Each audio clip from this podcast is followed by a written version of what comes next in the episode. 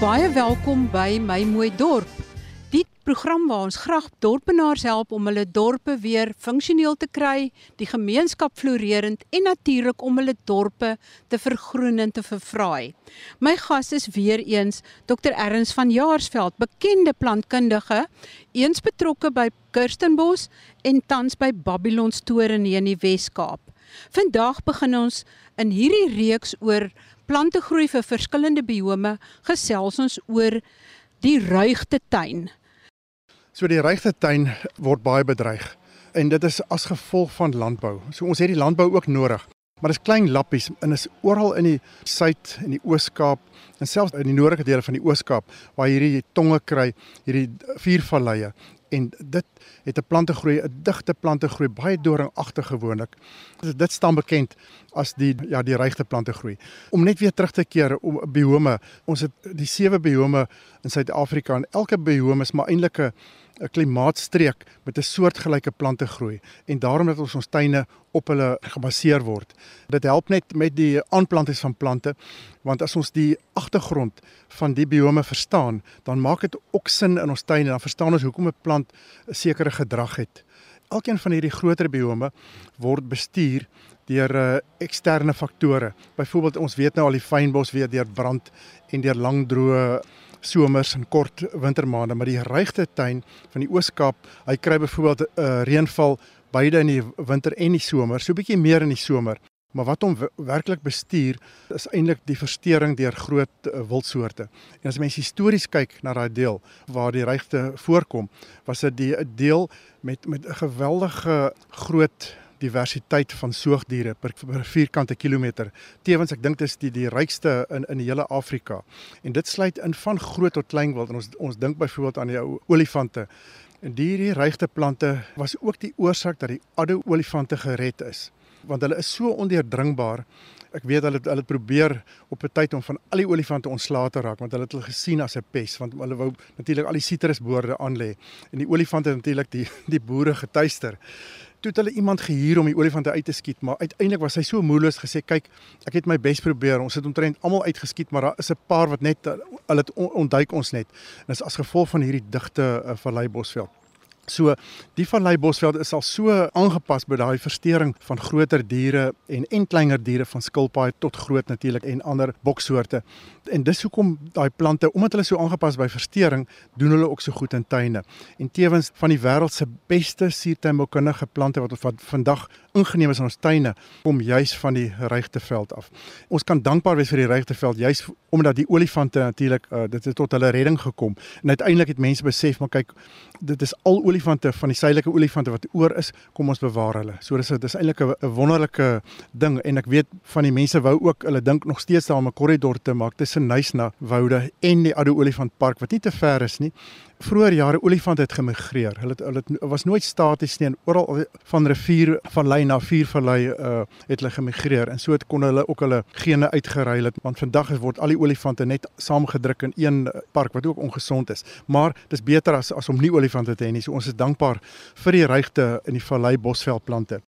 As ek sê wat die dorpe betref in daai omgewing, dit sluit bekende plekke in soos byvoorbeeld in die Baai of of Quebega of die ou Port Elizabeth Uitenhage en dan Hankie, Patensie, Enon, Oos-London, Port Alfred en dan byvoorbeeld Addo en Kirkwood en dan ook selfs dele bietjie meer na die binneland soos Jansenwil en dele van Graafry net. Dit is altyd geassosieer met eintlik riviervalleie of droë valleie. Dis ondeurdringbare rygte. 'n Mens moet verstaan, daai plante word al so getuister deur die jare. As ons as mense getuister word, ons kan of ons vuiste gebruik of ons kan hardloop as ons gevaar sien. Die arme plante kan nie en daarom het van hulle die geweldige dorings ontwikkel en baie van hulle baie giftigheid en ander uh, het weer kamouflering in daai uh, strategie ingegaan. Maar die beste groep plante en juist wat sulke fantastiese tuinplante maak is die wat passiewe weerstand het, soos die spekboom.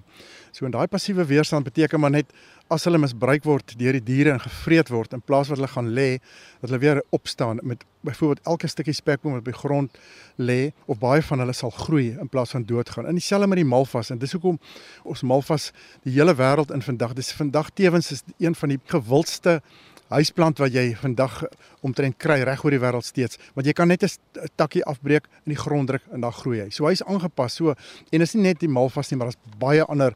So die dreigde plante het 'n groot impak gehad wêreldwyd. So as jy vandag Kalifornië toe gaan of jy gaan na die Mediterrane streke van Europa, sien jy baie van ons uh, regte alwyne wat daar groei en ander uh, tipiese regte plante. En selfs die ons Strelitzia, Strelitzia, die ou gewone kraanvoelblom en dan die Bissie kraanvoel, Strelitzia juncea ook net so mooi plant kom alles uit daai regte streek uit. Ek het die mooiste mooiste kleure malvas al in daai streek gesien. Dis natuurlik die streek waar ek vandaan kom. Diep diep pers, pragtige rooie en jy kan amper nie glo dis 'n malva nie. Dit is so Marie en dit is juist daai wat jy nou van praat die rooi malva, Pelargonium inquinans en dan die ou rank malva Pelargonium peltatum en dan uh, Pelargonium zonale, daai drie wat die basis gevorm het van baie van die mooi kruisings. En dit is so as 'n mens daardeur ry, hulle is altyd of iewers is daar altyd 'n plant in blom. Soos ek sê, hulle is so gehard. Hulle stingels is eintlik semi-vetplantagtig, so dit gee hom die voorsprong. So as hy val op die grond na bewyding of verstoring, dan groei hy baie makliker. Maar ook wat hulle saad betref, hulle groei baie maklik van saad en hulle kruis ook baie maklik. En dis hoekom in die wêreld het hulle begin kruis en word oral oor die wêreld vandag aangeplant en jy kan net 'n stukkie afbreek en vir jou buurvrou gee of buurman en dan groei hy. En dis wat die lekker ding is. Jy kan dit nie met byvoorbeeld met 'n heide doen nie of 'n erika soort nie van die fynbos want dit is heeltemal anders aangepas. Hy's weer by brand aangepas. En daar't min verstoring in die fynbos voorgekom maar die ruigte plante groei.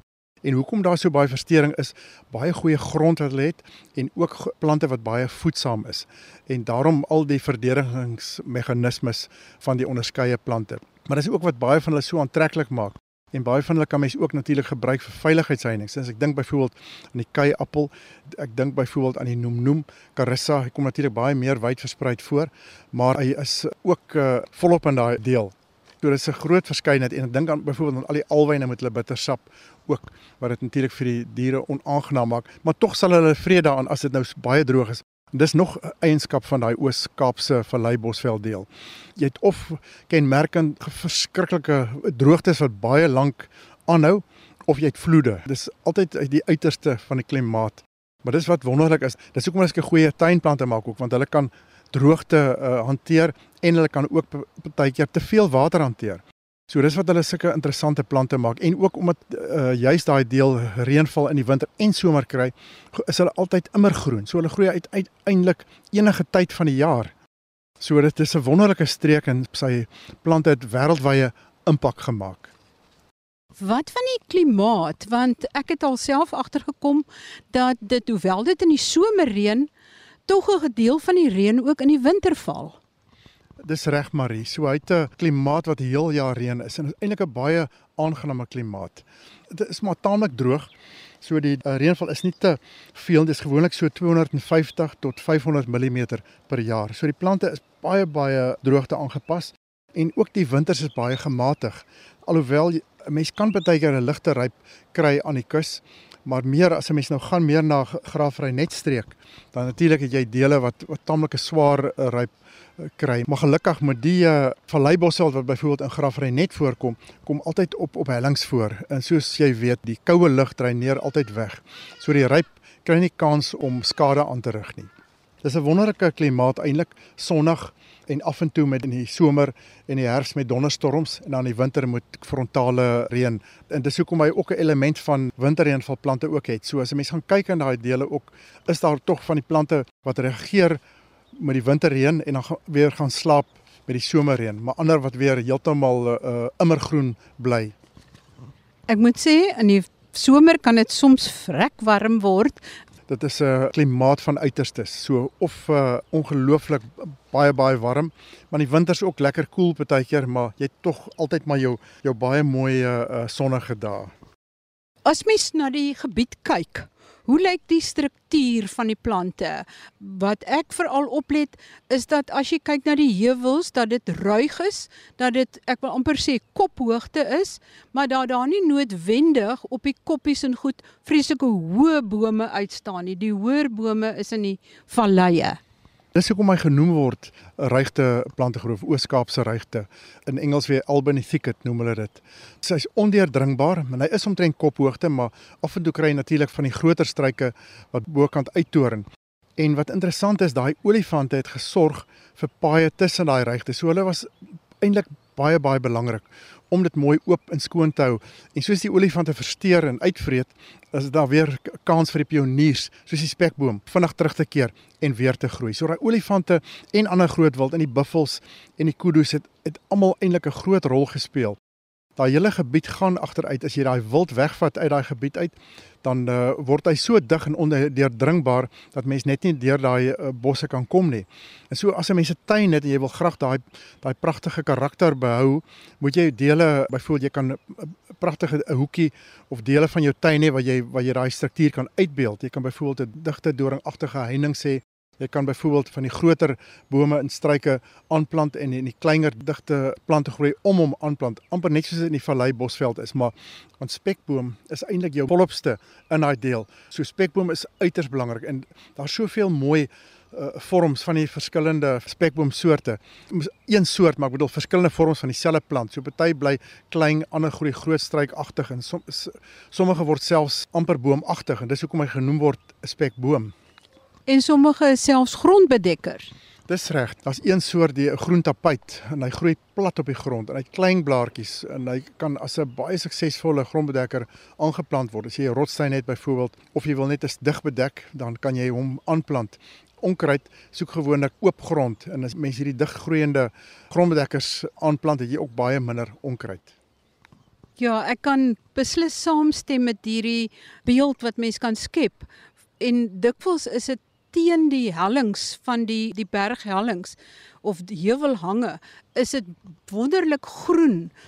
Dis reg Marie. So jy jy, jy het groepe van eh, soos ek genoem het struike en bome en dan ook vetplante. Vetplante is uiters belangrik in hierdie plantegroei soort en veral jou groter alwyne en dat jy jou mooi argitektoniese vorms, byvoorbeeld die ou mooi slaphoring alwyn met sy blare wat amper pap afhang met in sy digte kers tweekleurige blomme. En ek dink ook aan die Franse alwyn of Aloplurидens, net so 'n pragtige mooi alwyn.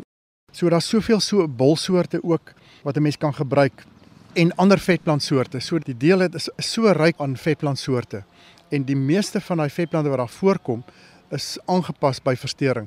En dis hoekom is al val daar net 'n byvoorbeeld 'n beestong blaar op die grond, sal hy weer groei. En van daai plakkie soorte ook, so die ou kerkei klein kerkaai Crassula tetragona en jou groote of water wat groot struike word, jy het net 'n blaartjie op die grond val en dan daai blaartjie sal weer groei. So het almal daai passiewe weerstand en dis hoekom hulle in tuine so goed groei. So mense kan selfs van kerkei 'n wonderlike heining maak. En kerkei die Crassula water hy blom hier in die middelwinter, pragtige van pink tot wit blomme. Maar hy blom saam met die alwyne, so vorm 'n baie baie mooi prentjie. So mense kan in jou hoekie van jou tuin uh, kan my so mooi uh, kombinasie van regte plantsoorte aanplant. En as hulle eers gevestig is natuurlik, uh, hoef jy nooit weer daarna te kyk nie. Hulle is absoluut selfonderhoudend. Ernst, en dan kom mens by die grond en die geologie. Wat kan jy ons daarvan vertel? Ja, die geologie is, is taamlik divers in daai deel. Sommige dele het het van hierdie ou konglomeraatgronde of eenon konglomeraat, hierdie rooi uh, mens sien dit baie daar by Hankie en Patensie as jy ry so langs die rivier, dit lyk of die spoelklippe so almekaar vasgesement is. Dit gee weer aanleiding tot taamlike suurige grond Maar in die vallei self het ons dikwels diep leem rooi gronde wat van ander dele kom wat baie vrugbaar is en dikwels ook skalie gronde, soms sandseengrond. Die meeste grond in die gebied is maar gewoonlik baie ryk, goeie leemgrond en dis hoekom dit aanleiding gee aan 'n plantegroei wat so deur die die verskillende wild benut word. Dis baie baie goeie grond. As ons van die grond praat op met vestiging van jou plante, is dit baie baie belangrik hoe dit gedoen word. So alles begin by die grondvoorbereiding. Die bome en struike, soos ek voorheen ook genoem het, moet ge gewoonlik geplant word in 'n gat so twee keer so groot as waar in die houer wat hy kom en dan nou altyd 'n bietjie beenmeel onder in die gat plaas. En dit gee hulle weer fosfaat en dan uh, kan 'n mens kompos meng met die grond en dit weer teruggooi en saam met die uh, boom of struik en dan kan mens maar net baie goed benat en die eerste 2 of 3 jaar, maar as daai plante se wortels eers goed gevestig is, dan jy geen probleem nie, dan gaan hy self aan. En as maar dieselfde uh, moet ons diere ook as ons ons goed na hulle kyk as hulle jonk is, dan is hulle baie sterker en meer siekte aangepas ook wanneer hulle ouer word. Ons kyk dan soos gewoonlik na die vestiging en dit is die pioniers, die vinnig groeiende pioniersoorte, die bome en die struike wat vinnig groei en dit gou laat lyk of dit 'n gevestigde tuin is wat jy natuurlik saam moet plant met die stadiger groeiers. Kom ons kyk na hierdie pioniers. Ja Marie, daar's sommer 'n hele klomp soorte ook en ek het die belangrikste soort, die spekboom alreeds genoem. En wat lekker is om hom te vestig, jy kan maar net 'n tak afbreek en direk in die grond plaas. Selfs al lê die tak plat, sal hy uiteindelik wortel en weer boontoe groei, maar spekboom groei eintlik baie vinnig. Hy kan vinnig herstel. Die regering is besig met groot programme om spekboom te hervestig in baie dele waar hulle absoluut uitgroei was deur oorbeweiding. Wat 'n wonderlike ding is as die spekboom eers daar is, dan kan die ander plante vestig. Maar ander bome ook wat goed is vir vestiging is byvoorbeeld die ou uh, gewone ou soedoring, Acacia karoo met sy pragtige geel blomme. Hulle blom nou oral in die veld. Hulle is absoluut somer uh, blommend. En dan dink ek ook aan die die seiselbos byvoorbeeld, Plumbago auriculata. Dit is 'n pragtige plant wat ook wêreldwyd gebruik word. Hy het of blou of wit blommetjies en dan jy ook donkerbloue uh, variëteite van hom. Ek dink ook aan die in die Kaapse, die Kamferfoelie, Tecoma capensis met mooi oranje blomme en dan self verskeie harpuisbos soorte wat goeie pioniers is. Byvoorbeeld Eriops spataceus, die ou magrietharpuis is Eriops chrysanthemoides en dan byvoorbeeld Eriops virgineus en dan ook die ou ou Calpurnia aurea of die geelkeer. Dit is alles plante wat baie baie vinnig groei. En daar's nog 'n soort ook sy volksnaam is my onbekend, maar Otonna triplinervia. En dan dink ek aan Septemberbossie, hy's wel bekend, Polygala myrtifolia. En dan ook ver, verwant aan hom is daar die besem Septemberbossie, Polygala virgata wat net so vinnig groei en wonderlik vir 'n tuin is. En dan dink ek ook selfs aan die in die suurvy soorte. Daar's twee soorte wat daar voorkom wat 'n mens as grondbedekker kan gebruik as pioniers. Die een is die ou gewone een, Carpobrotus edulis en dan die regte ou Goukum of die Carpobrotus deliciosus. En so sy naam eh, is deliciosus, hy is baie lekker. Hy het 'n sagte vrug. Jy andersins as die gewone suurvy eet jy hom as hy vars is en nou hier oor Desember, Januarie word hulle ryp en jy kan hom sommer ryk al in die veld as hy ryp is en hy het ook pragtige pink blomme terwyl jou gewone suurvy het gewoonlik geel blomme wat as hy ouer word dan verkleur hy so na ook 'n pinkerige kleur.